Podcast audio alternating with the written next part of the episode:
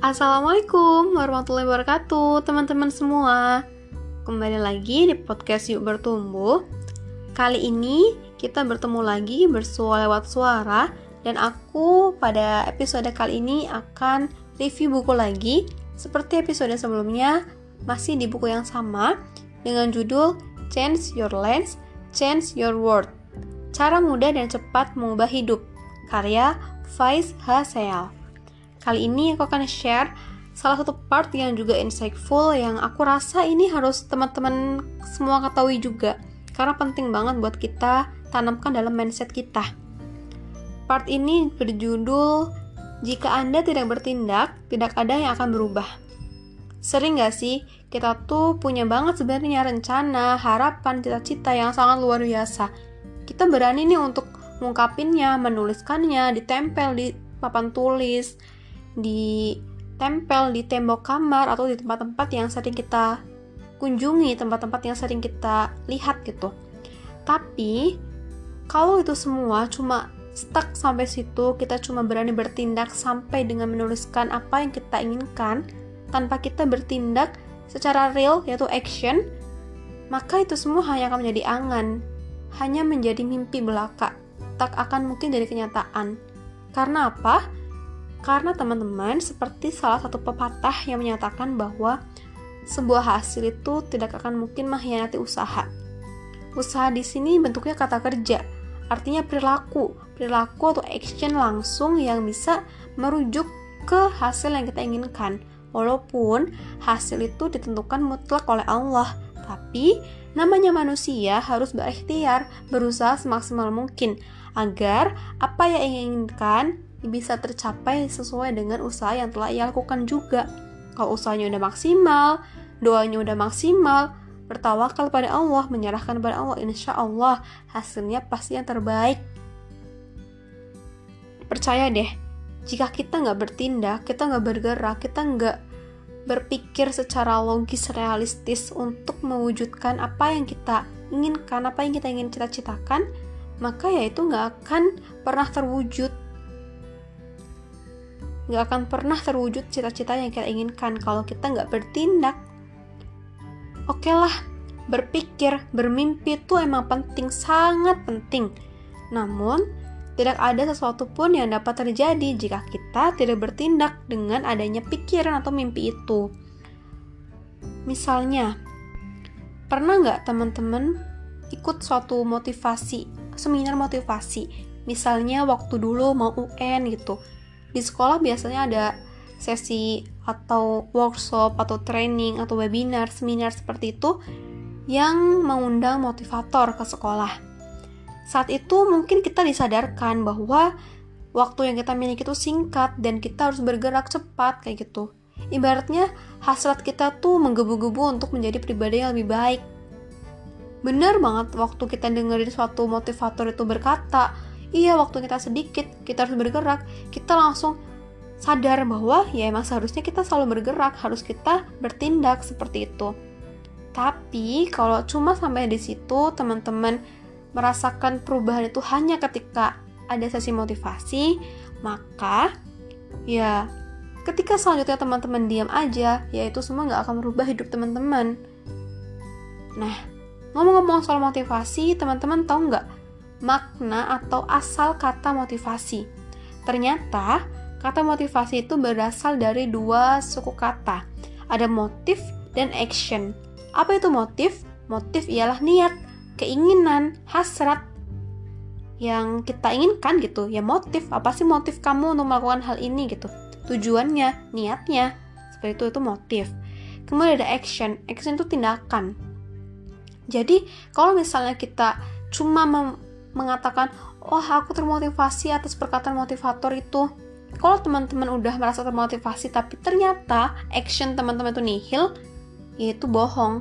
Teman-teman cuma dapat motif tapi nggak actionnya. Jadi nggak full, nggak dapat motivasi. Karena motivasi sesungguhnya itu motif dan action.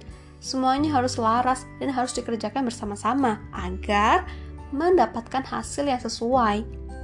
Nah, teman-teman, jika teman-teman udah sadar bahwa kita bisa mengubah sesuatu di hidup kita jika kita bergerak, kita bersungguh-sungguh untuk mewujudkannya, maka yakinkanlah bahwa kita hanya melakukan segala sesuatu yang ingin kita wujudkan.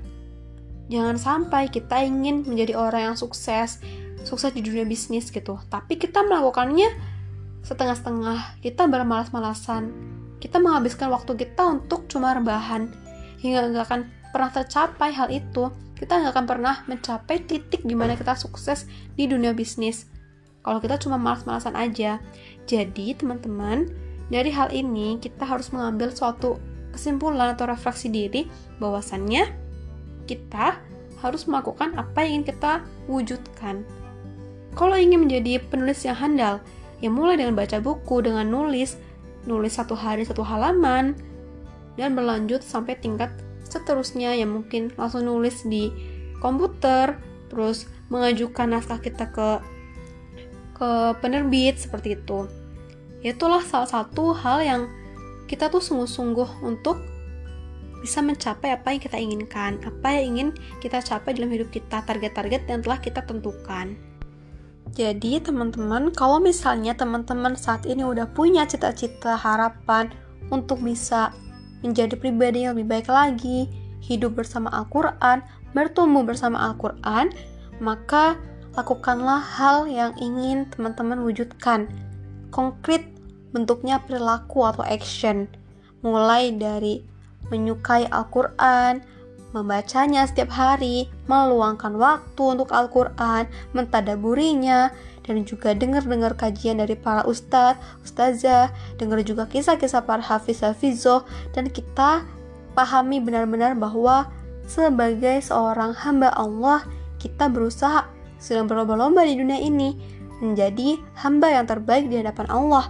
Dan teman-teman juga mungkin kalau teman-teman ingin hidup bersama Al-Quran, coba deh teman-teman baca kisah-kisah atau dengerin kisah-kisah para hafiz hafizoh, keutamaan menjadi hafiz hafizoh itu seperti apa, maka itu akan menjadi motif atau alasan atau tujuan semangat teman-teman. Dan dilanjutkan dengan action. Actionnya tindakan nyata yaitu teman-teman mulai mengikuti langkah-langkah orang-orang yang teman-teman idolakan, orang-orang yang sukses di bidangnya, terutama sukses dalam mencapai kehidupan dunia dan juga akhirat. Jadi, bagaimana caranya kita bisa hidup bersama Al-Quran, bertemu bersama Al-Quran, menjadi umat terbaik, menjadi pemuda terbaik, menjadi hamba terbaik di hadapan Allah, lakukanlah sesuatu yang ingin teman-teman wujudkan.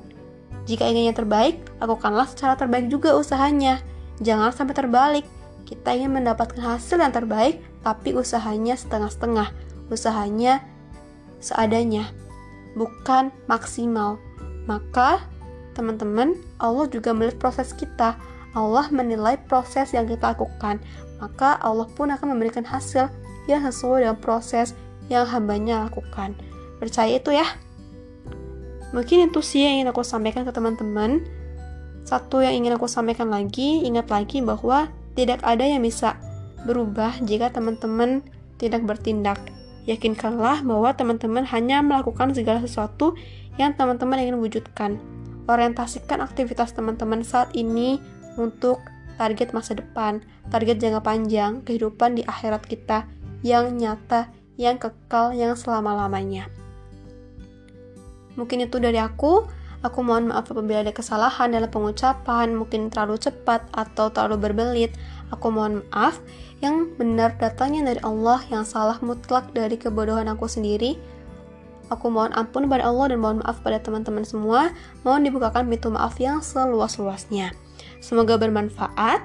Jangan puas dengan apa yang aku sampaikan, karena dengan ketidakpuasan itulah teman-teman selalu berusaha untuk menjadi pembelajar, mencari referensi materi dari mana saja. Cukup dari aku, terima kasih telah mendengarkan sampai akhir. Semoga bermanfaat dan boleh di-share ke teman-teman yang lain ya. Sampai jumpa di episode selanjutnya. Assalamualaikum warahmatullahi wabarakatuh.